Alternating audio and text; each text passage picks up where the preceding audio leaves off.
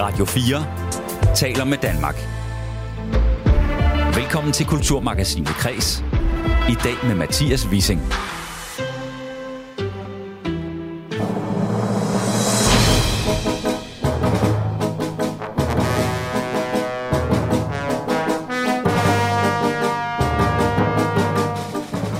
Ja, dengang jeg var lille, der så jeg Tintin i fjernsynet, når jeg var ved frisøren, så skulle jeg have Tintin-hår, og i det hele taget, så var ideen om at være opdagelsesrejsende journalist noget af det fedeste, man kunne forestille sig. Og selvom jeg i dag er journalist, så har virkeligheden ramt mig. Lige synet Tintin-håret, det er for længst gået af mode, og mit arbejdsliv som delvis skrivebordstomat og mit privatliv som vuggestuebarns forældre, det kunne nærmest ikke befinde sig længere fra Tintins eventyr. Alligevel så har jeg stadig et bånd til øh, Hergés androgyne, lyshårede belgier med de her karakteristiske klæder og den lille ruhårede foxterrier Terry rundt om benene. Og når jeg er på biblioteket med min søn, ja, så er det også til en tegneserierne som jeg kaster mig over. I anledning af 50-året for den fortælling, som hedder Tintin og Hejsøen, forsøger jeg at blive klogere på, hvad det er, der fascinerer ved Tintin, som i virkeligheden måske er den kedeligste figur i hele Hashis univers. Det fortæller oversætter af samtlige Tintin-tegneserier Niels Søndergaard og tegneserieekspert Mikkel Stube Teilbjerg senere i udsendelsen.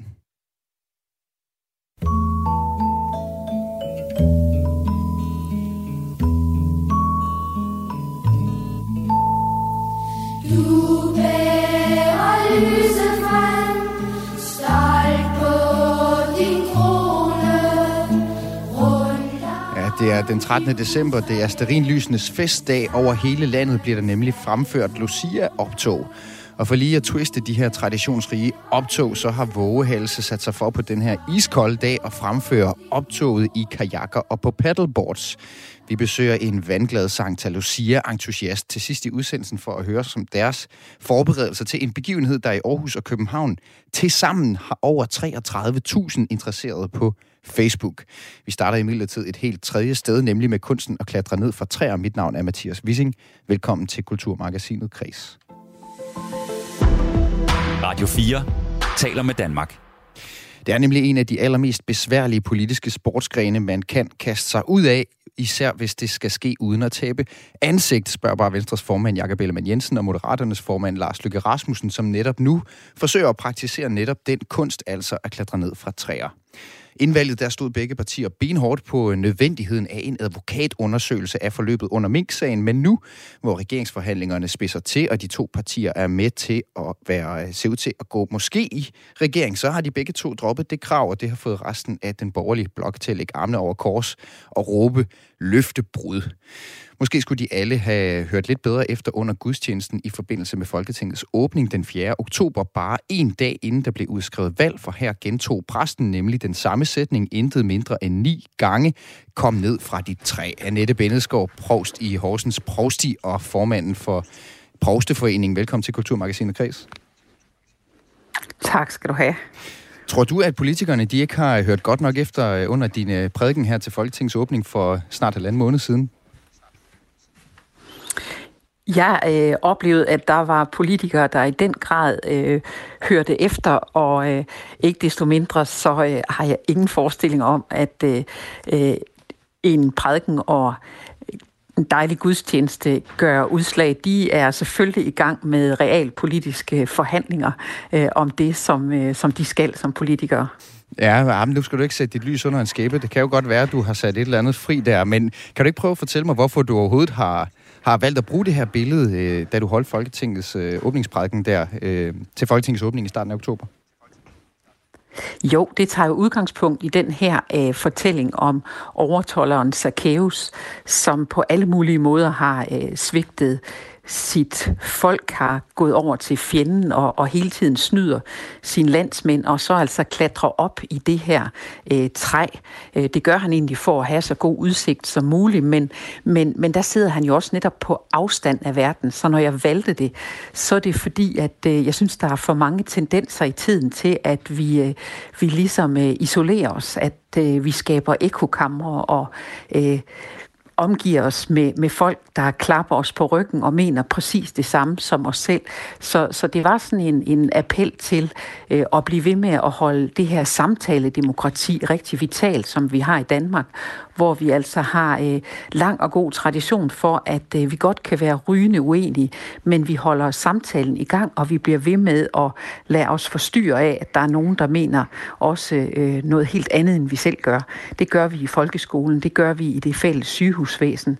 Øh, det her fælles samfund, øh, det, det vil jeg gerne slå en slag for, øh, et slag for, at det er vigtigt at undgå mm. øh, sådan et, øh, et samfund med for meget ekokammeri. Ja, og, og det her med at kravle op i træer, grund til, at jeg synes, det er interessant at tale om, det er jo sådan en retorisk ting at kravle op i et træ, som vi tit siger. Man siger det også i forbindelse med politik at sluge kameler og sådan nogle. Der er sådan nogle klichéer, der bliver ved med at vende tilbage. En kovending for eksempel. Ja. Men lige præcis ja. det her med at kravle ja. op i træer, synes jeg bare er sjovt, for det er jo ikke kun i i politik. Det er noget, vi gør alle sammen hele tiden. Jeg gør det selv flere gange om dagen over for min uh, toårige søn. Jeg gør det over for min kæreste en gang imellem.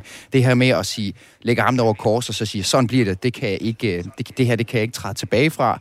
Og så alligevel måske lige have det her maskefald, når, vi så, når det så alligevel viser sig, at vi ikke står helt lige så kort på de krav, vi har sat frem, som vi havde forestillet os. Hvad, altså, hvorfor har vi som mennesker den her tendens til at kravle op i de træer? Hvorfor gør vi det overhovedet? Ja, det, det er jo sådan en tendens, der er i, i, i et hvert skænderi, ikke også? At man skruer sig mere og mere op i et hjørne, og, øh, og vi taler jo også om, at tonen bliver, bliver skænger. Altså, når, når man ligesom bare står som et, et lille barn og, og stamper i jorden og siger, jeg vil, og jeg vil, og jeg vil, altså, og, og til sidst kan man jo ikke komme ud af det igen mm. øh, på en ordentlig måde. Øh, så, så når jeg brugte begrebet øh, kom ned fra, fra de træ, så er det ligesom at, at komme ind i virkelighedens øh, verden, fordi man må sige, at det, er det et ideal øh, at komme ned fra en eller anden holdning, man har haft. Altså der skal man passe på, at man ikke vrider, vrider billeder øh, af led, fordi øh, der, der, er jo, der er jo også masser af, af bibelske billeder, som ligesom handler om, om vigtigheden af øh, og, og holde fast i de væsentlige principper. Altså mm. hvis man ser på, hvad Bibelen øh, siger, så, så er der jo et andet sted i bjergprædiken, det her fantastiske billede, hvor, hvor Jesus han siger, øh, jeg var sulten, og jeg bad noget om noget at spise, men, men I lader ikke mærke til mig. Jeg, jeg, øh, jeg var fængslet, og I kom ikke og besøgte mig. Der, der bruger han jo sådan et billede, hvor, hvor han siger, jamen et hvert menneske, du møder på din vej, det er som om du mødte mig, eller som om du mødte en søster eller en, en bror. Så man kan sige, der vil det jo være modsat. Han vil sige, at der skulle man virkelig holde fast i, at, ja. at det er det, man skal måle hele sit liv på. Det, det er også politikken. Det er, om man holder fast i den her dagsorden om, at det andet menneske, det er et medmenneske. Ja, så det er ikke helt så simpelt øh, øh, en, en, en ting at tage ved lære af fra Bibelen her. Det, er egentlig lidt, det kommer lidt an på situationen, man læser ind i det. Men kan du fortælle øh, lidt ja. om, altså nu møder du, du, du har jo samtaler med mennesker, mennesker. Det er jo det, du også øh, bruger dit arbejdsliv på på en eller anden måde. Hvorfor er det så svært for os som mennesker at kravle ned fra træer, som vi kravler op i? Altså, hvad er det, det består i, den der modstand mod at kravle ned igen?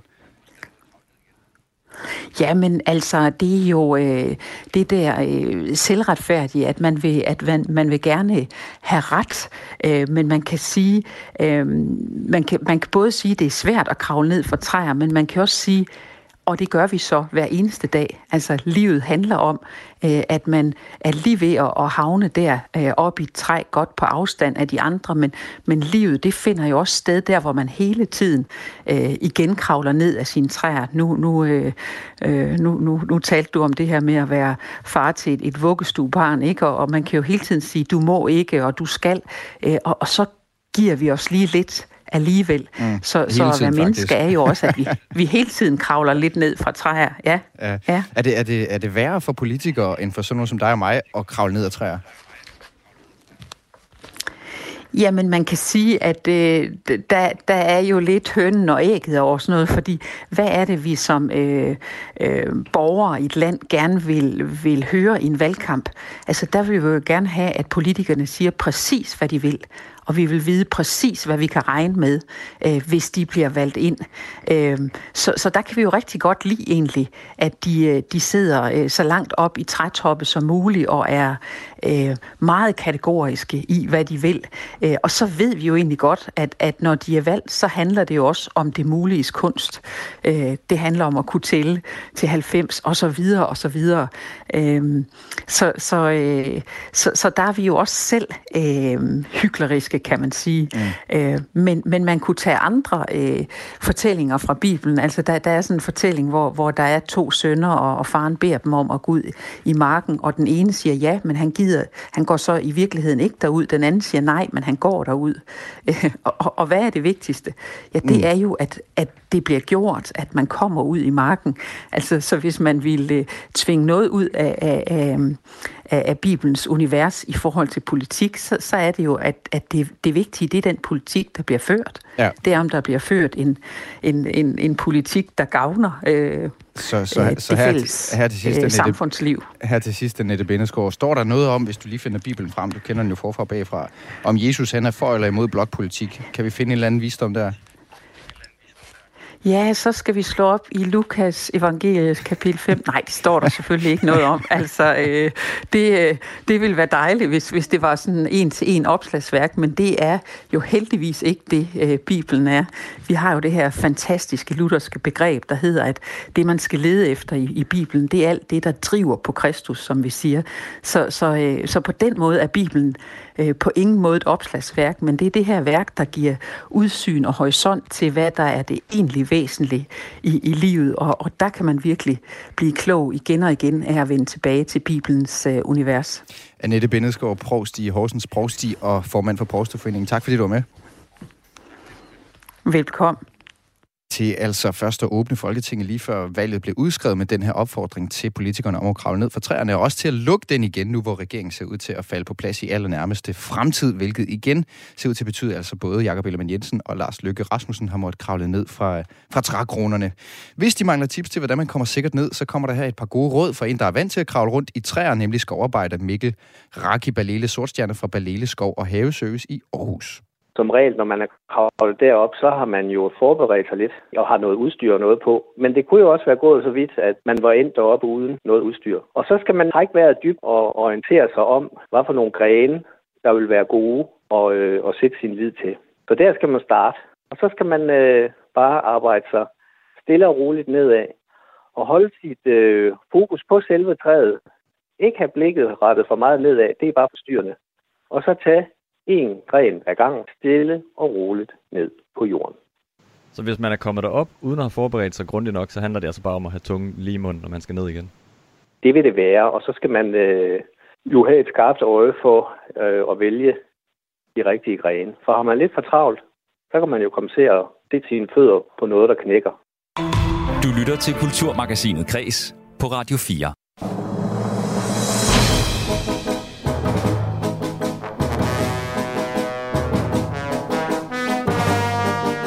Han er lige så evigt ung, som hans babyface indikerer. Hergés legendariske tegneseriehelt Tintin holder nemlig stadig, og i dag den 13. december, der har biograftegnefilmen Tintin og Hejsøen 50 års jubilæum.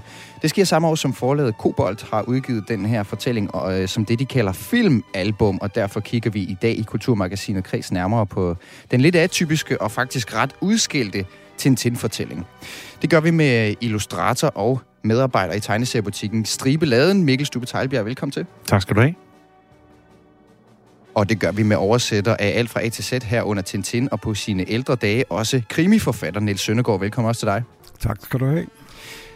Tintin og Hejsøen, det er en fortælling om den store skurk Hejkongen, som stjæler kunstskatte og erstatter dem med vellignende kopier for at fortsætte den gebet, så vil de stjæle professor Tornesols kopimaskine, som er en slags fortidshistorisk 3D-printer, og så vil de så skære, øh, selvfølgelig skaffe Tintin og vejen i samme omgang. Og så er der to børn med i historien, Nico og Nushka, som bliver sådan en slags ret øh, undværlige, ikke uundværlige, men undværlige hovedpersoner, må man nok sige, i fortællingen. Mikkel Stubbe Tejlbjerg, Tintin og Hejsøen, det er den her underlig afvielse fra de fleste Tintin-fortællinger, fordi Tintins far, altså Hergé, hverken har skrevet eller tegnet den, men nærmere var en slags konsulent, ligesom den også først var en biograftegnefilm, og først dernæst en tegneserie. Hvad er dit personlige forhold til den her historie, Mikkel? Jamen, øh, mit personlige forhold til Tintin og Hejsøen er, at jeg læste Tintin, fra jeg var helt, øh, helt lille. Øh, jeg kan ikke huske præcis, hvornår jeg læste mit første album, men jeg kan tydeligt huske, at Tintin og Hejsøen, det var jo sådan et album, det lignede ikke de andre, og og tegningerne var også, øh, man kunne godt se, det var Tintin, men baggrunden især var anderledes, og, men det var jo en del af, af Tintin, øh, historierne, så, så på den måde så gled den jo let ind, og altså, det er jo faktisk et af de Tintin-album, jeg sådan husker øh, bedst, hvis jeg sådan skal, skal Ja, huske tilbage. Hvorfor det? Øh, jamen, det kan jo være, man, en, en kritiker vil måske sige, fordi den ikke er helt så, øh, helt så dyb, måske, som nogle Ja. af de andre albums, men Ja. øh, måske bare fordi det var stod for sig selv på en måde. Og Niels Søndergaard, du har så oversat hele dynen, så du kender Tintin forfra og bagfra. Og du mener, at Tintin og Hejsøen øh, falder en lille smule igennem sammenlignet med de andre. Hvor, hvorfor mener du det? Um, det gjorde Aché jo også selv. Han, øh, han havde ikke haft noget med produktionen at gøre, udover at han selvfølgelig øh, fulgte med. Men øh, det var Bob de Moor, der havde tegnet den, og Greg, der havde skrevet den. Og da Aché så resultatet, var han misfornøjet. De havde endda lavet den med, uden de der tegnefilmsbaggrunde, men med tegnet baggrunde. Og man må formode, at Aché han med vilje har bedt dem om at sætte de andre baggrunde ind, for at de ikke skulle ligne hans album Mm. for meget. Mm. Og han følte af sig selv, det var en slags stedbarn. Ja, så han tog sådan lidt afstand fra den på Ja. den måde. Og rygtet siger, at han, at han øh, derefter indføjede i sit testamente, at der ikke var nogen, der måtte tegne Tintin, når han var død. på den baggrund. ja, det kan man roligt sige, at han havde et horn i siden på den. Hvor, hvorfor kan du ikke lide den, øh, Niels Søndergaard? For en ting er, hvorfor Haché han var imod den, men hvad, hvad, hvad synes du om den? Det er jo, øh, altså det, det er jo et, øh, hvad hedder det, en sekundavare i forhold til de andre ting. Og så har de, øh, for det første er det ikke Ashi, der har skrevet den, og, og, og, og så har de øh, stjålet med arme og ben. Det er nærmest en gentagelse af tidligere Tintin-albums. Øh, det knuste ører og rakker den røde skat, kan man finde i den. Mm. Og, og Ottokar Scepter, og der er sågar også en masse, og Mette histo- m- masse og Mette historie, de har Ja, planket. Nico og Nushka. Ja, dem har I planket til sidst. Det er også noget med en, en undervandsby og sådan noget. Ja, der er nemlig masser af de her, øh, det her, det har den her potpourri-fornemmelse. Der er noget med Ja. det knuske, knuste øre, som er det her med at stjæle fra et museum. Mm-hmm. Øh, så er de i Syldavien, som også er i Kong Ottokar Scepter. Så øh, støder de på lidt ud af det blå på, på operasangerinden Bianca Castafiore, øh, nattergalen fra Milano, som man kan, eller, som man kan huske. Det, hun, det er lidt svært at gennemskue, øh, Mikkel, vil du måske give mig ret i, hvad hun egentlig laver der. Nej, hun er på, hun er på turné. Hun er på Ja, turné. selvfølgelig, det, ja. er- det, det, det, det er meget ægelt. Det var hun også i Spielbergs Ja, ja, ja, ja, ja. ja. film. Ja, det er Altså, rigtigt. der, han har jo også gerne ville have det hele med. Ja. Ja. Ja. Altså manuskriptforfatteren Steven Moffat, han har taget det hele med. Ja. Øh, både Rastapopoulos og, og, og så næsten alle de andre ingredienser, jeg nævnte. Ja, og ikke mindst så den her haj-ubåd, som man kender fra Rakamsen Røde Skat. Den, den, den får han også lige flettet ind i Ja, det gør fortællingen han. her. Ja, den er fra Rackham den Røde Skal. Men jeg tænker sådan på, Niels, øh, også Mathias, sådan set, jeg, jeg har jo sådan gået og tænkt lidt over det de her dage, hvor jeg har vidst, at jeg skulle med her, og altså, den, så, så vidt jeg kan læse mig frem til, nu må du rette mig, Niels, hvis jeg tager fejl, jeg er ikke Mhm. tintinolog, øh, men, men, men der, der var en ret stor, øh, ret stort gab mellem de rigtige Tintin-album her, hvor Hejsøen kommer, ikke? Og så lavede de den her film for ligesom at holde gryden i kog. Er det ikke rigtigt? Altså, det ved jeg ikke. Det ved vi ikke. Men, men Der, var, der var et stort spænd på et tidspunkt, og den her kom ind, og så kom Pircaroerne kort efter, og man kan jo kende øh, det moderniteten i det på, at Tintin lige pludselig render rundt i cowboybukser. Ja, Ja, og det det rigtigt. gør han også i denne her. Han har Ja. ikke plus for os på længere. vel? Nej. Men det, jeg tænker, øh, også i forhold til, nu snakker vi Spielbergs film, det er, at, at den bliver lavet som en film, og altså film og tegneserier, det, det er jo to forskellige medier, så, så det er jo nok, altså min, min tanke er, at man har lavet en film, og så har man taget nogle ting, som måske øh, egnede sig godt til en film, og så er den film blevet til et album, og så er den ligesom røget udenfor. Altså det, det er sådan min, øh, det er min Altså, altså det- egen headcanon på det, den jeg historie. kunne, det, jeg, det, jeg har kunne læse mig frem til, det var, at, øh, at Hergé, han, var, han, han, han øh, trådte lidt dødvande på det her tidspunkt. Han var gået lidt tør. Han havde ikke den store inspiration. Han ventede på at skrive den her Tintin og Picaroerne, som bliver den sidste Tintin-tegneserie, som kommer. Og så i mellemtiden, så klemte de lige den her ind for måske netop at, at blive ved med at røre lidt i, i gryden. Øhm, så det er, måske, det er måske sådan lidt derhen af, Mikkel, hvad du siger, at han, var, han skulle lige finde ud af, hvad der skulle ske af Hergé, og så kunne de jo ikke lige finde på at lave noget i mellemtiden, som han ikke var alt for meget indover. Øh, Udover som konsulent, han har jo han har jo alligevel endt med at sige, ja ja, så send den dog ud, men har altså ikke været tosset med den. Niels Søndergaard, hvad, kan du ikke øh, prøve at, at spole lidt tilbage, og så fortælle mig om dit personlige forhold til Tintin i, i det hele taget? Er det noget, du har læst som barn? Ja, jeg, ja, jeg læste dem øh, en, endda før jeg kunne læse. Jeg så billeder som, som lille dreng i, i, jeg tror det var Konkylie, det var sådan et tegneserie ugeblad, Mm. øh, hvor jeg var dybt fascineret af de der billeder. Jeg kan huske øh, Soltemplet og Ottokars Scepter. Og så dukkede den, så dukkede den op i mit liv senere, da jeg gik i gymnasiet og havde en kæreste, hvis lille søster havde dem stående på sit værelse, og så begyndte jeg straks at læse Tintin, i stedet for at kysse kæresten. Ja, og så var jeg så hooked. har man stor magt over for sådan en teenage-dreng. Ja, så var jeg hooked, så, skulle jeg, så begyndte jeg straks at lede efter de album, der gjorde udgivet på dansk endnu, og fandt dem så på fransk i den franske boghandel. Så jeg kan faktisk næsten se hele din oversætterkarriere tage fart allerede her med Tintin, eller hvad? Ja, det er du ret i. Ja. Ja. Hvordan ja. har det været over? Du har oversat det hele. Hvordan har det været så, når man nu har, har læst det som barn også? Jamen, det har bare været en opgave ligesom andet, men det har det selvfølgelig været, været, været hvad hedder det, en flødeskumslagkage i forhold til så mange andre ting. Jeg plejer at sige, at det var den hellige gral for enhver tegneserieoversætter. Ja. Lig- Ligesom, ligesom jeg øh, som bogoversætter endte jeg på Gyldendal med Doris Lessing, og så kan man jo heller ikke nå højere. Men hvor, hvorfor var det, øh, altså, du alligevel, øh, du har tidligere beskrevet dig selv som lidt mere en Tintin-mand faktisk, end en Doris Lessing-mand. Hvor, hvordan kan det være? Ja, jamen jeg har altid været mest interesseret i de fantastiske genrer. Altså, øh, det man, det man, jeg ved ikke, hvad man kalder dem samlet, men, men det er i hvert fald ikke mainstream, jeg er spær, mm. særlig interesseret i. Mm. Hvad med dig, Mikkel øh, Stube Teilbjerg? Hvad er din relation til, til Tintin? Er det også at, er det en, en parallel historie her med Niels Søndergaard? Ja, øh, jeg havde ikke en, en kæreste, der havde en lille søster, der havde Tintin. Jeg havde en, øh, jeg havde en, en morfar, øh, og jeg havde også en mormor, som døde længe før jeg, øh, før jeg blev født. Og efter min mormor døde, så øh, blev min morfar gift med en ung bibliotekar. Ja. Og øh, hende, hende, øh, hende er bibliotekar, bibliotekaren, hun øh, satte sig for at give mig tegneserier i gave. Det var jul, det var fødselsdag, det var, øh, altså, hvor- hvornår hun kunne slippe afsted med det. Ja. Og nogle af de første der, det var altså de her Tintin-albums, som, Ja. øh, og det er stadigvæk dem, jeg har stående derhjemme. De er, de er godt læst. Skal vi bare sige det på den måde? Og hvad, hvad betyder, t- hvad, hvem er Tintin for dig? For nu du, du er jo tegneserie-entusiast, du er, du er belæst, øh, du, du læser alt, hvad der udkommer, du har fuldstændig overblik. Hvad er Tintin? Hvilken rolle spiller det for dig? Jamen, det har, det har en helt særlig øh, plads, og det synes jeg egentlig, det har i, i det hele taget. Altså, nu snakker vi jo så Hejsøen i dag, som jo, som jo er et særligt album, men, men hvis man tager de der øh, oprindelige og rigtige Ashi-historier, så så de, jeg synes, de er jo milevidt over alt muligt andet. De, de, de, de står ligesom for sig Ja. øh, på hylden deroppe, og Ja. ja. det er bare, ja, det, det er tidløst, meget af det. Hvad, hvad er det ved Tintin, altså, der ægger? Hvad, hvad, hvorfor, er- hvorfor er han interessant? Fordi han altid gør det rigtige. Det er fordi, han... Det lyder jo meget uinteressant, jo, nærmest. for en, Men så har for han jo, held. så har han jo alle de her fantastiske karakterer omkring sig, som Ja. ja. han jo aktiverer og, og, og, og er sammen med, og som, som laver alt muligt uden omkring ham. Altså, hvis man bare fulgte Tintin, så, så, så ville det hele jo, så ville det nok være lidt kedeligt, hvis ikke man havde Captain Haddock eller Tournesol med sit, med sin, sin lille, sit pendul, eller Dupongerne, eller Max Bjergermose øh, og hans forsikringsagent virksomhed, Ja. øh, Madame Castafiore, ja. Øh, Men ja, Det er jeg helt enig i, at det er birollerne eller bifigurerne, der er det interessante ved Tintin. Han er en, en kønsløs katalysator, kunne man kalde ham. det var, Som- det var som et godt dobbelt K der, Niels. ja. øhm, han er i virkeligheden aldeles uinteressant. Øh, men øh, han, han skal bare være der, og så, så går alt det andet i gang rundt om ham.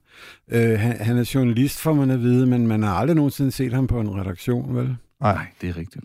Det er rigtigt. Og har han nogensinde afleveret noget? Man læser aldrig hans artikler, gør man det? Nej, øh, jeg har aldrig nogensinde set noget, han har skrevet.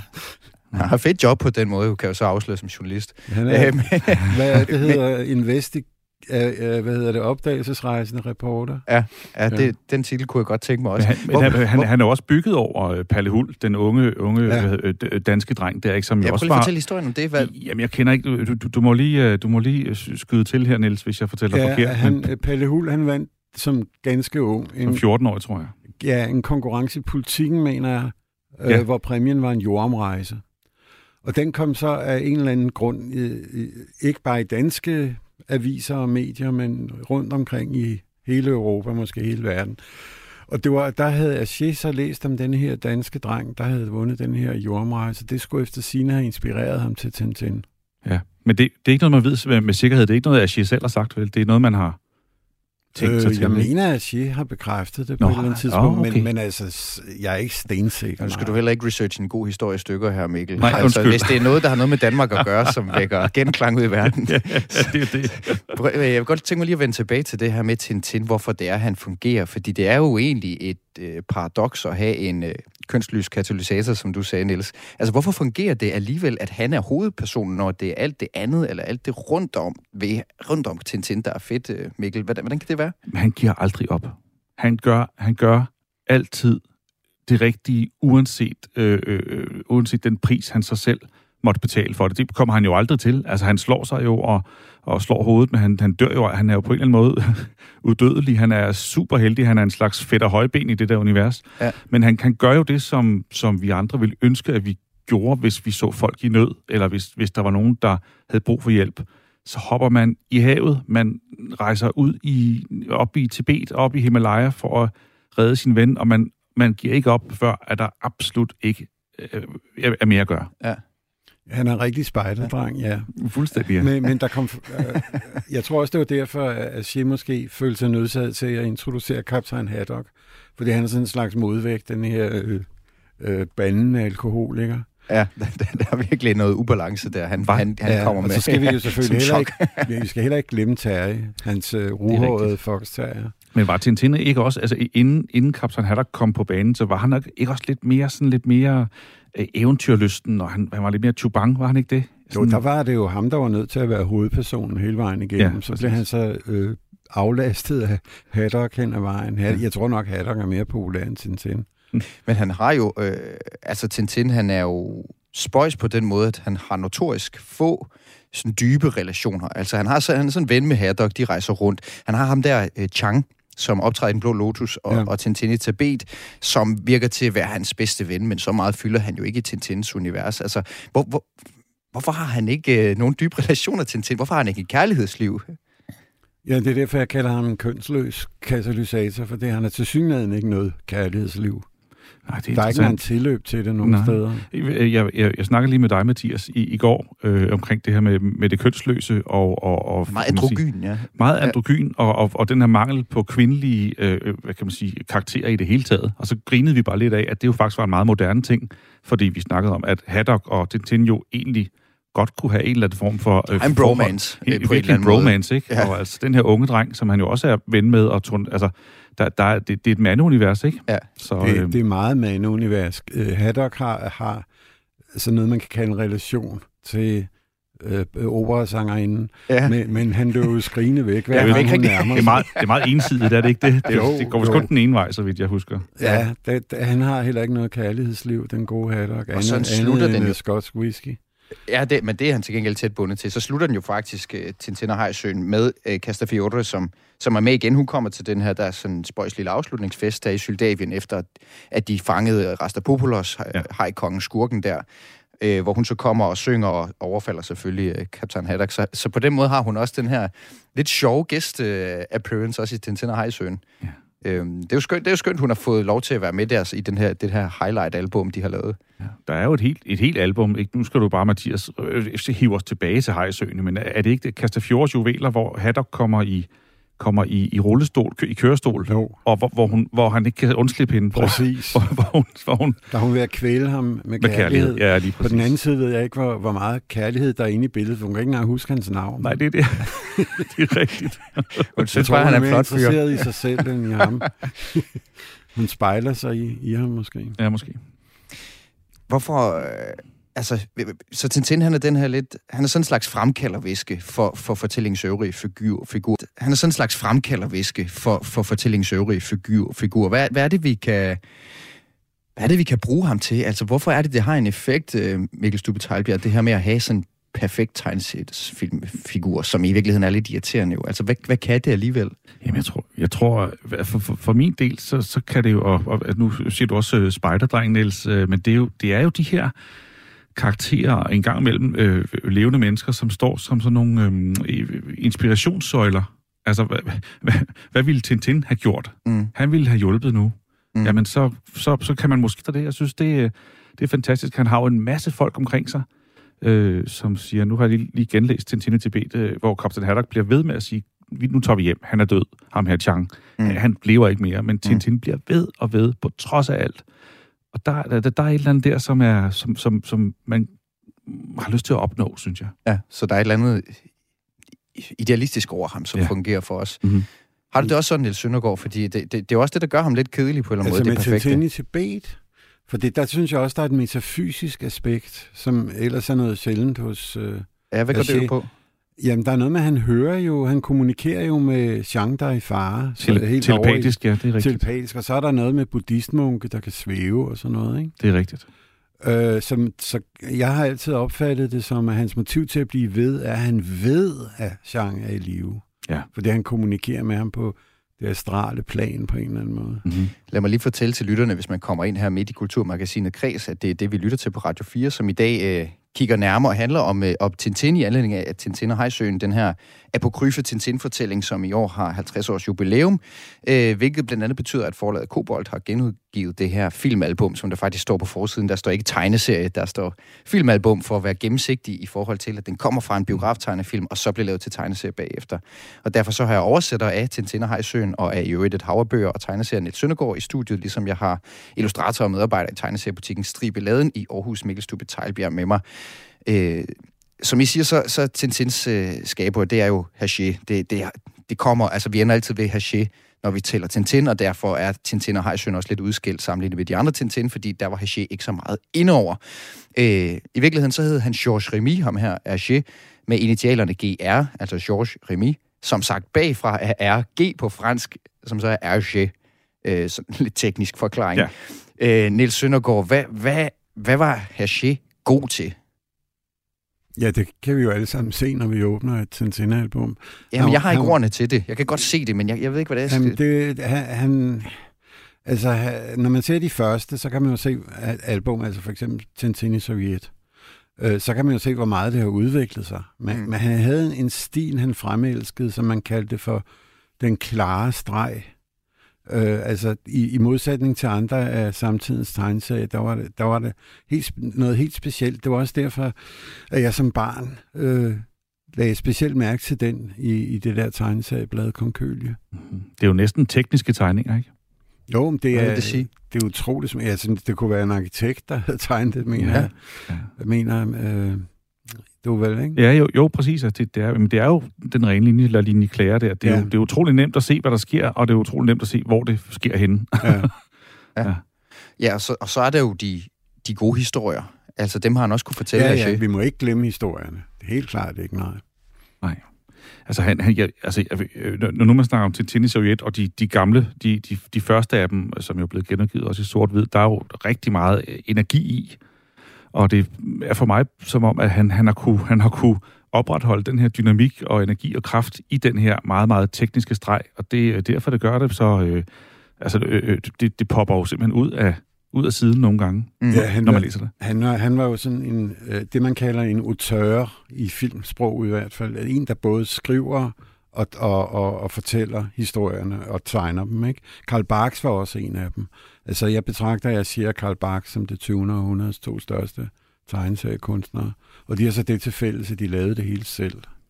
Altså, nu ved jeg godt, at jeg siger også havde et studie, der hjalp ham lidt med Mhm. rentegning og sådan Mhm. noget. Men, men det var hans øh, klare tanker, der kom igennem der Mhm. i hver eneste historie. Og Karl Bach, som har øh, tegnet og skrevet Anders Ja. Sand, som du også har oversat, selvfølgelig, Niels Søndergaard. Ja, jeg har Øh. oversat Anders Sand i 16 år. Så det er jo- ikke Karl Barks. Han var... Ja. Han, nej, jeg nåede at hilse på ham, Mm. før han øh, Oh, wow. forlod os. Ja. Men, men, øh, men altså, det, alle, øh, han har jo ikke tegnet noget siden Nej. en gang i 50'erne. Øh, det, øh, noget andet, man kan sige om Tintin, det er jo, at det er en fortælling, som er blevet til over en enormt lang periode. Den er skrevet og tegnet fra, fra 1929, øh, Tintin i Sovjet, som du nævnte lige før, øh, Niels mm. Søndergaard, og så frem til 1976, som er det øh, afsluttende album, det der kommer lige efter Tintin og Hejsøen. Det, som hedder Tintin og Picaroerne, tror jeg, det hedder. I er lidt i tvivl om, hvor jeg skal lægge trykket der. Pararoerne plejer jeg at sige. Picaroerne. Ja. Øh, det, det starter med avisstriber i sort-hvid, så kommer tegneserie i sort-hvid, så bliver det farvealbums. Øh, også i Danmark bliver det jo stort der i 50'erne og 60'erne. Øh, da jeg var nede og hente øh, Tintin og Hejsøen nede i stribeladen, øh, for at vide, at det er både... Altså, det er, det er øh, folk, som kommer for at købe øh, Tintin-albums til deres forældre, deres gamle fædre, øh, som har læst det, da de var unge. Det er folk køber Tintin for at give det til deres børn, fordi de gerne vil give det videre, og de køber til sig selv for underholdning. Det er altså noget, der, der kan noget hele vejen rundt, også selvom at den første Mhm. udgave blev udgivet, øh, udgivet i, i 1929. Taber Hergé nogensinde højde i forhold til kvaliteten af de her tegneseriealbums? Altså kan man godt se, øh, Mikkel, kan du godt se, okay, her er vi vist i den sene periode, fordi det begynder at blive lidt tyndt, eller nu, nu ved jeg godt, vi taler om Tina Hejsøen, som er lidt udskældt, men i det hele taget, er der en eller anden et, et fald i kvalitet, eller, eller bliver han bare ved? Det, det, det, det, det, jeg, jeg er lidt loren ved at udtale mig om det, fordi det, det, det synes jeg egentlig ikke. Altså, det, der, er, der er noget over det hele, og selv de tidlige albums, og også de her øh, Tintin i Amerika og i Kongo, som jo har været udskældt i forhold til mm. øh, racistiske tendenser, og, og, og, hvad man nu øh, vælger at snakke om mm. på, på de sociale medier mm. rundt omkring. Altså, jeg, nej, jeg, jeg, synes, jeg synes, at det, ja, der er noget ved det, som, som bare holder. Og man kan sige, at Tintin, han, han lider jo også af det der, øh, jeg kalder det selv Batman-syndromet, han bliver jo aldrig ældre. Nej, altså, nej. Der, der, er, der er ikke nogen udvikling hverken i ham eller nogen af, af, af, af Det er sidekaraktererne. jo godt gået, når man lever fra, er, er voksen fra 29 ja, til 76. Ja, er det ikke? Ja, det er jo ret, ja, så kan det godt være noget tøjet. Det kan godt være, at man lige tager et par jeans på, men det er altså også det, ikke også? Det er ligesom Rip Rapperup. De Ja, ja, er heller aldrig ældre. Nej, nej, det er det, det er det. Og hvem er i øvrigt deres øh, mor? Nej, det skal vi ikke snakke om. Nej, det er en meget lang historie. Ja, det, Jeg kan mærke, at Anders Sand er ved at hijack det Ja, her det Tintin. Øh, hvad, hvad har øh, nøglen til den her, hvad er nøglen til den her langtidsholdbarhed? Også ikke bare i forhold til stregen, men også i forhold til... Øh, i, jeg ser stadigvæk folk købe Tintin-plakater og hænge dem op. Øh, en af mine gode veninder har professor Tone Sol hængende fra sin, øh, fra sin nøglering. Altså, hvor, hvad, er det, hvad har She gjort for ligesom at sørge for, at det her brand var ved? Ja, det ved jeg ikke. Altså, det er bare, det er bare fængende øh, design ja, det et er andet det. sted. Og, så- og så tænker jeg også, øh, jeg, jeg, jeg tænker også, at, øhm, at nu, nu øh, hvad hedder, skrev jeg så i sit øh, testamente, at der ikke var andre, der måtte lave Tintin. Så, så det Tintin, der er nu, det er det Tintin, der er. Måske indtil, ja, hvad ved vi, om ja. 20, 30, 50 år, når det ligesom bliver givet frit, eller hvad, eller hvad ved jeg. Mm. Øh, så kommer jeg til at tænke på, øh, på Bill Wattersons øh, Sten og Stoffer, og han, hvor, hvor Bill Watterson jo sagde, der, men det er kun der, det findes. Der findes ikke nogen madkasser eller t-shirts eller noget som helst. Nej, jeg, jeg Jo, tror også, at... Det gør at, der altså, men det, de er ulovlige. Åh oh, ja, okay, ja. Det er Niels, shh, det havde vi snakket, det skulle vi ikke snakke om. Nej, men, men, men, men jeg, Han, jeg, han, et stramt koncept. et, stram, et stramt ja. koncept, der bliver holdt der, tror jeg, øh, Ja. er en stor del af det, fordi Tintin er Tintin, og man ved, hvad man får, og det, man får, det er kvalitet. Jamen, det er jo egentlig, øh, og, og det er jo kvalitet, altså det er jo noget, øh, det er jo æs- æstetisk tilfredsstillende, det, det er jo noget, som man pynter sig med på en eller anden måde, Tintin. Den her raket, I har en kæmpe stor raket hængende nede i stribeladen, den der Ja. røde raket fra, ja. fra da de på månen. Øhm, du nævnte det også lige før, øh, jeg vil godt lige nå at vente her med jer, før vi, før vi parkerer Tintin. Det her med, at Tintin har været ved i så lang tid, øh, og at vi i vores, altså at vi hele tiden bliver ved med at læse Tintin, og dermed kaster os selv og vores, eget, øh, vores egen samtid op på de her fortællinger. Hvad har det ligesom kastet af sig af kontroverser? Fordi vi, jeg tror, at de fleste kan faktisk se den her Tintin i Kongo-plakat for sig, hvor der er en, øh, en meget karikeret afrikansk mand på forsiden. Det springer i øjnene, når man ser det i 2022. Altså, hvad kan vi bruge Tintin til det her, det, det, som den her mur, vi kan spille bold op af ved vores samtid? Det ved jeg ikke, hvad jeg skal sige til. Altså, det, øh, det var jo ikke bare shit, der, han var jo ikke racist. Altså, han, det var en sy- systemisk øh, racisme, der eksisterede dengang, Mm-hmm. som man også ser i Tom og Jerry-film og sådan noget. Mm-hmm. Og, og den er så stille og roligt klinget af, ikke? Mm-hmm. Øh, jeg synes ikke, man skal lave det om, for det er jo også et historisk dokument. Ja, for fanden, til da, det skal man da ikke. Nej, men det gør svenskerne jo, eller de, de Ja. drømmer i hvert fald om Ja, det. er jo det. De har lavet noget om på Felix, ved jeg. Ja, det, det, det, det er Og træls. Pippi Langstrømpes øh, far, han må Ja. ikke være nærkonge længere. Mm. Øh, Hvor, hvor, hvor lang tid har vi her, Mathias, indtil vi skal Jamen, vi slutte? har små fem minutter, så Okay. du, du Jamen, jeg har, jeg har bare er det, fordi du brænder ind med en stor analyse? Ja, nej, det gør jeg ikke. Det er en lille historie. Ja, men den må du gerne fortælle. jamen, jeg stod engang i en uh, boghandler, hvor vi solgte Lille Sorte Sambo, og der var mange, der spurgte Nå, ja. til den, om den, øh, om den stadigvæk var, var, var, var, var lovlig at sælge og den slags. Og så undersøgte jeg det lidt, og så fandt jeg ud af, at en af grundene til, at historien om Lille Sorte Sambo som en racistisk, øh, kan man sige, historie var, at den i løbet af årene blev omtegnet af rigtig mange amerikanske tegnere, og er derfor efterhånden kom, til, altså kom den her indiske dreng til at ligne mere og mere en lille afrikansk dreng, mm. og senere en abe, Ja. og så blev det til et ned, nedsættende udtryk, der hed Little Black Sambo, om små afroamerikanske børn. Mm. Det var ligesom historien. Så Ja, gik jeg han ind, var oprindeligt af Tamil, jo. Ja, ja, det er det. Det er det præcis. Og så, så, så fandt jeg faktisk en ordbog fra 1927, som var, det var nede i den gamle by det var for det årstal, hvor jeg stod i butik i, i boghandleren dernede. Og der stod der om nære i 1927 i Salmonsens leksikon, at det var jo en, en race af meget barnlige mennesker, øh, som, som elskede musik og dans og leg. Og altså, det var virkelig, altså, det var usandsynligt racistisk efter vores Mm. øh, forhold. Men i 1927, der var det det, man kunne læse i Salmonsens leksikon. Ja. Det, det, det er sjovt, du siger det, for det. jeg kan huske en artikel fra Salmonsen øh, om indianerne, hvor de rent faktisk øh, øh, er, er godt er klar over, at det ikke var så smart, det der blev gjort Nå, der. ja, aha. Ud, udryddelsen af, af deres kultur. Åh, interessant, ja. Man ved jo, hvad man ved på det tidspunkt i, i, i tiden, Ja. hvor man Mm. Ja, og så, og, og så nytter det ikke noget øh, at skrive historien om bagvendt. Eller, altså, Nej. Nej, det, men du heller ikke, Niels. Det forestiller Nej, mig det ikke. altså den, der, øh, der ikke kender historien, er dømt til at gentage den. Præcis. Så derfor er det en god idé, vi kan slå det op og se, hvordan det var, Mm-hmm. Og snakke om det. og snakke om det, ja. Her til sidst, øh, før jeg slipper jer begge to, øh, Niels Søndergaard og Mikkel Stube Teilbjerg, jeg skal lige høre jer, hvad er den største af de store Tintin-fortællinger? For nu snakker vi Tintin og Hejsøen, men hvis, hvad, altså, Niels, har du en favorit øh, blandt, blandt de mange Tintin-fortællinger, der er? Altså, skal jeg tage en? Ja, du må kun vælge Jamen, en. Vi har, vi har det- ikke hele dagen. Så er du... det enhjørningens hemmelighed. Ja, Oh, ja. hvorfor det? Ja, det fordi det er en god historie. Det er en sindssygt god historie. Så er den jo i to bind. Så der er mere. Røde, ja, der er mere. Er det også soltemplet, hvis jeg skal nævne en til? Ja. Okay. Og Mikkel, hvad er den fineste Tintin-skæring ifølge dig? Jamen, jeg, jeg springer på Nilses uh, to dobbelthistorier, og så Tintin i Tibet, den, uh, den har altid stået som noget helt særligt for mig. Ja. Den, uh, den er bare, den, den rører mig følelsesmæssigt, når jeg læser den hver gang. Ja, prøv lige at sætte lidt flere ord på det. Hvorfor, hvor, hvad, hvorfor lige præcis den? Jamen, jeg, jeg, jeg, jeg, jeg, kan godt lide det der, som du også snakkede om tidligere, Niels, at det, at det metafysiske ligesom øh, trænger sig vej ind, ind i historien, og der er noget i den her verden, som, som ikke kun er, er, er teknisk, og øh, jeg, kan godt lide det. Jeg, jeg synes, der er noget, noget, ja, noget, og noget melankolsk over den, og den der kulde, som, som, som kommer ud fra tegningerne, det, det tibetanske landskab, og jamen, den er, ja, Ja. Uh, jeg får gåsehud af at tænke Så- på den. så- Sind, sindssygt smukke tegning. Sindssygt smuk Så tegning. endte vi alligevel på tre, men altså enhjørningens hemmelighed, Soltemplet fik også lige en, øh, Øh, en shout-out, som vi siger i dag, Niels Søndergaard, og så Tintin i Tibet, som øh, der kan man starte, hvis man nu for eksempel skulle ud og finde Tintin i julegave eller et eller andet. Øh, Niels Søndergaard oversætter af alt fra øh, Doris Lessing over Tintin til Anders Sand, og nu også forfatter til kriminalromanen Tre små kinesere, udgivet på forlaget Totaltekst. Tusind tak, fordi du var med til at tale om Tintin og Hejsøen i anledning af den her 50-års jubilæum. Jamen, selv tak. Og det samme kan jeg selvfølgelig sige til dig, Mikkel Stube Teilbjerg, illustrator og medarbejder i tegneseriebutikken Stribe Laden. Altid en fornøjelse at have, at have dig på besøg også. Tak, altid godt at være her.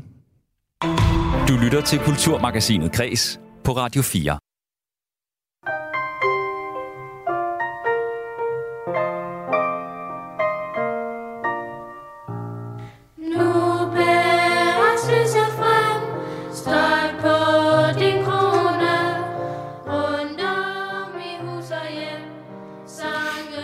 Ja, i dag er det Lucia-dag, dagen med navn efter det gamle savn om Lucia, en kristen martyr og skytshelgen for de blinde, der døde under de tidlige kristenforfølgelser, siger legenden. Dagen fejres med lysoptog, hvor Lucia-bruden går forrest med en krone af lys på hovedet, akkompagneret af den her traditionelle Lucia-sang.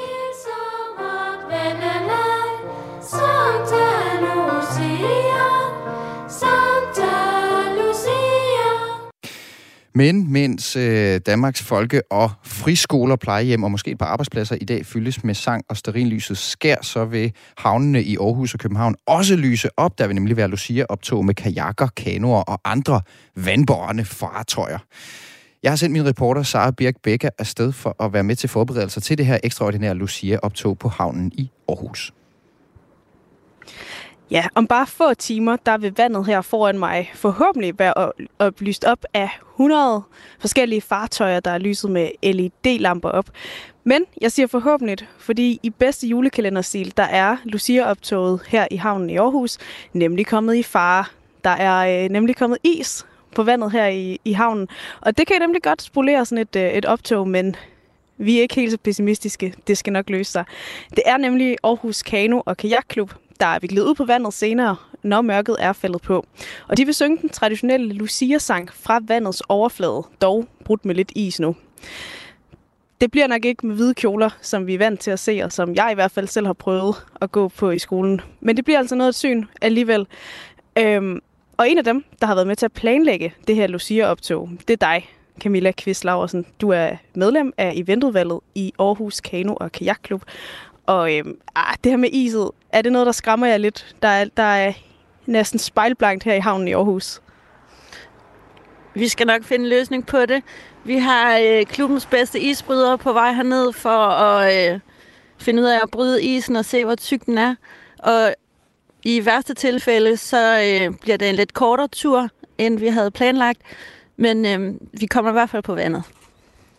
Og det er et Lucia-optog, hvor at kajakker og stand-up paddles og kanoer og roer og kanoer igen, de vil være lyst op af LED-lys. Og jeg kan se inde på Facebook, at der er i omegnen af 8.000 mennesker, der har sagt, at de gerne vil komme ned og overvære det her ret specielle Lucia-optog. Og altså Camilla, hvorfor sejler I i et Lucia-optog i det hele taget? Det gør vi, fordi vi synes, at det er dejligt at runde noget lys frem i mørket. Fordi øh, det her det er en af de allerkorteste øh, aftener på hele året, og man har brug for, ja, man har brug for noget lys, og man har brug for at komme ud og hygge sig, og man har brug for at komme ud og lave noget, der er sjovt.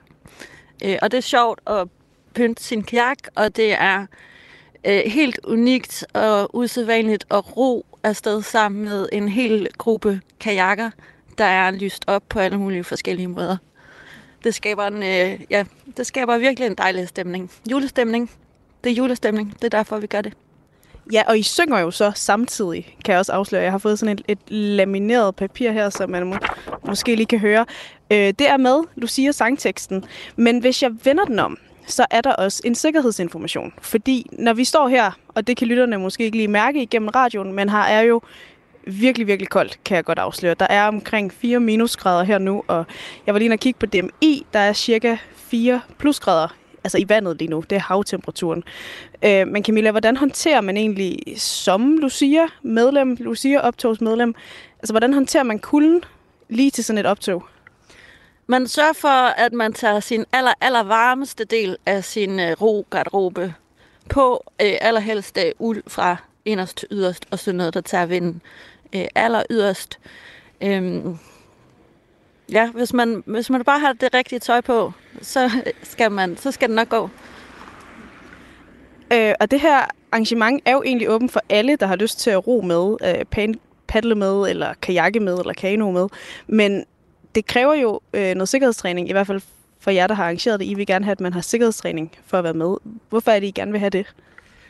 Det vil vi gerne have, fordi det netop er vinter, og vandet er koldt, så vi skal være sikre på, at hvis øh, folk...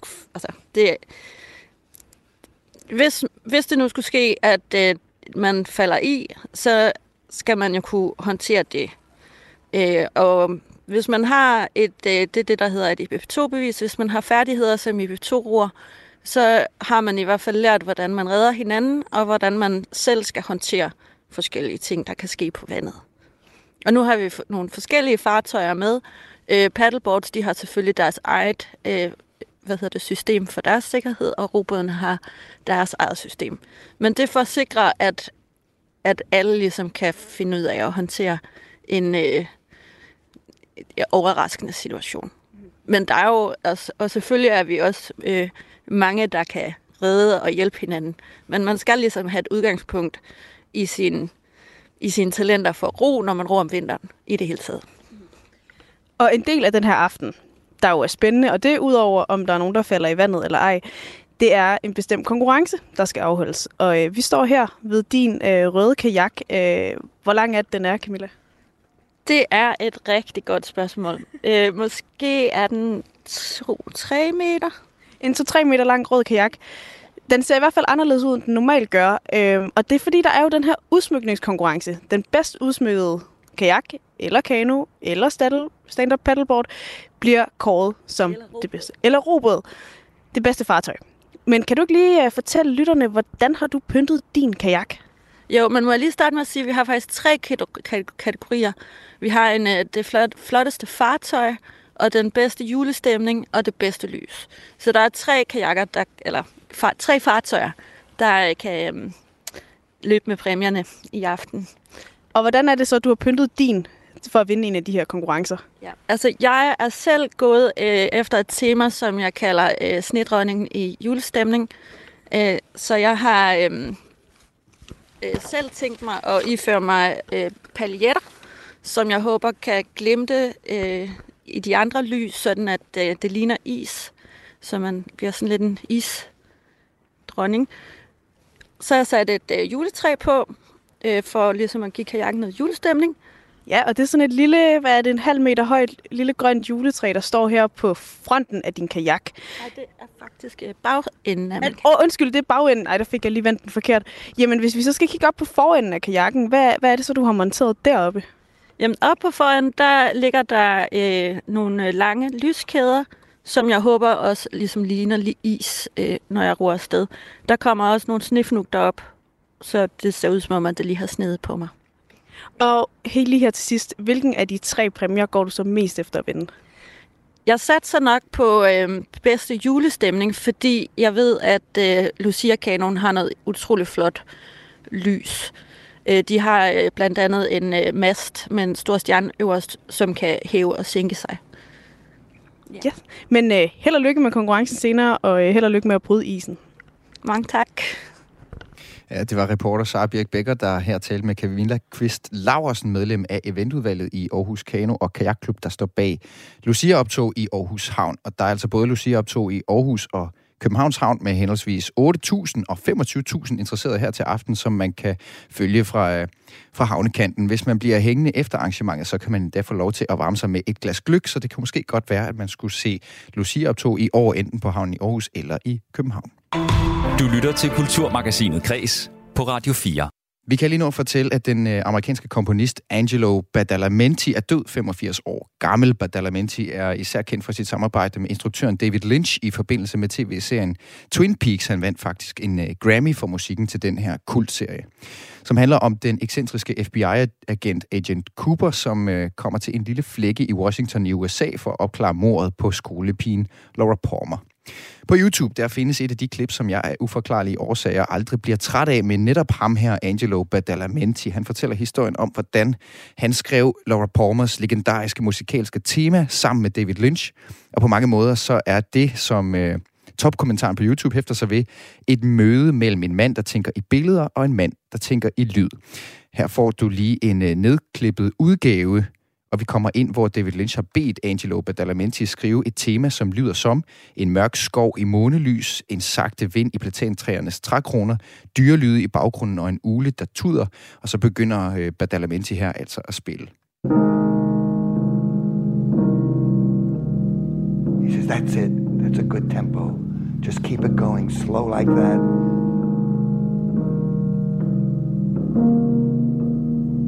Just keep that going for a while. And in David's mind, you can you can just see that he was visualizing the description that he envisioned.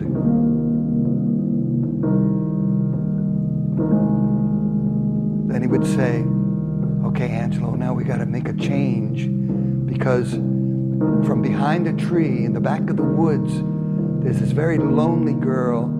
Her name is Laura Palmer, and it's very sad. But get something that matches her, and and I, and I just segued into this.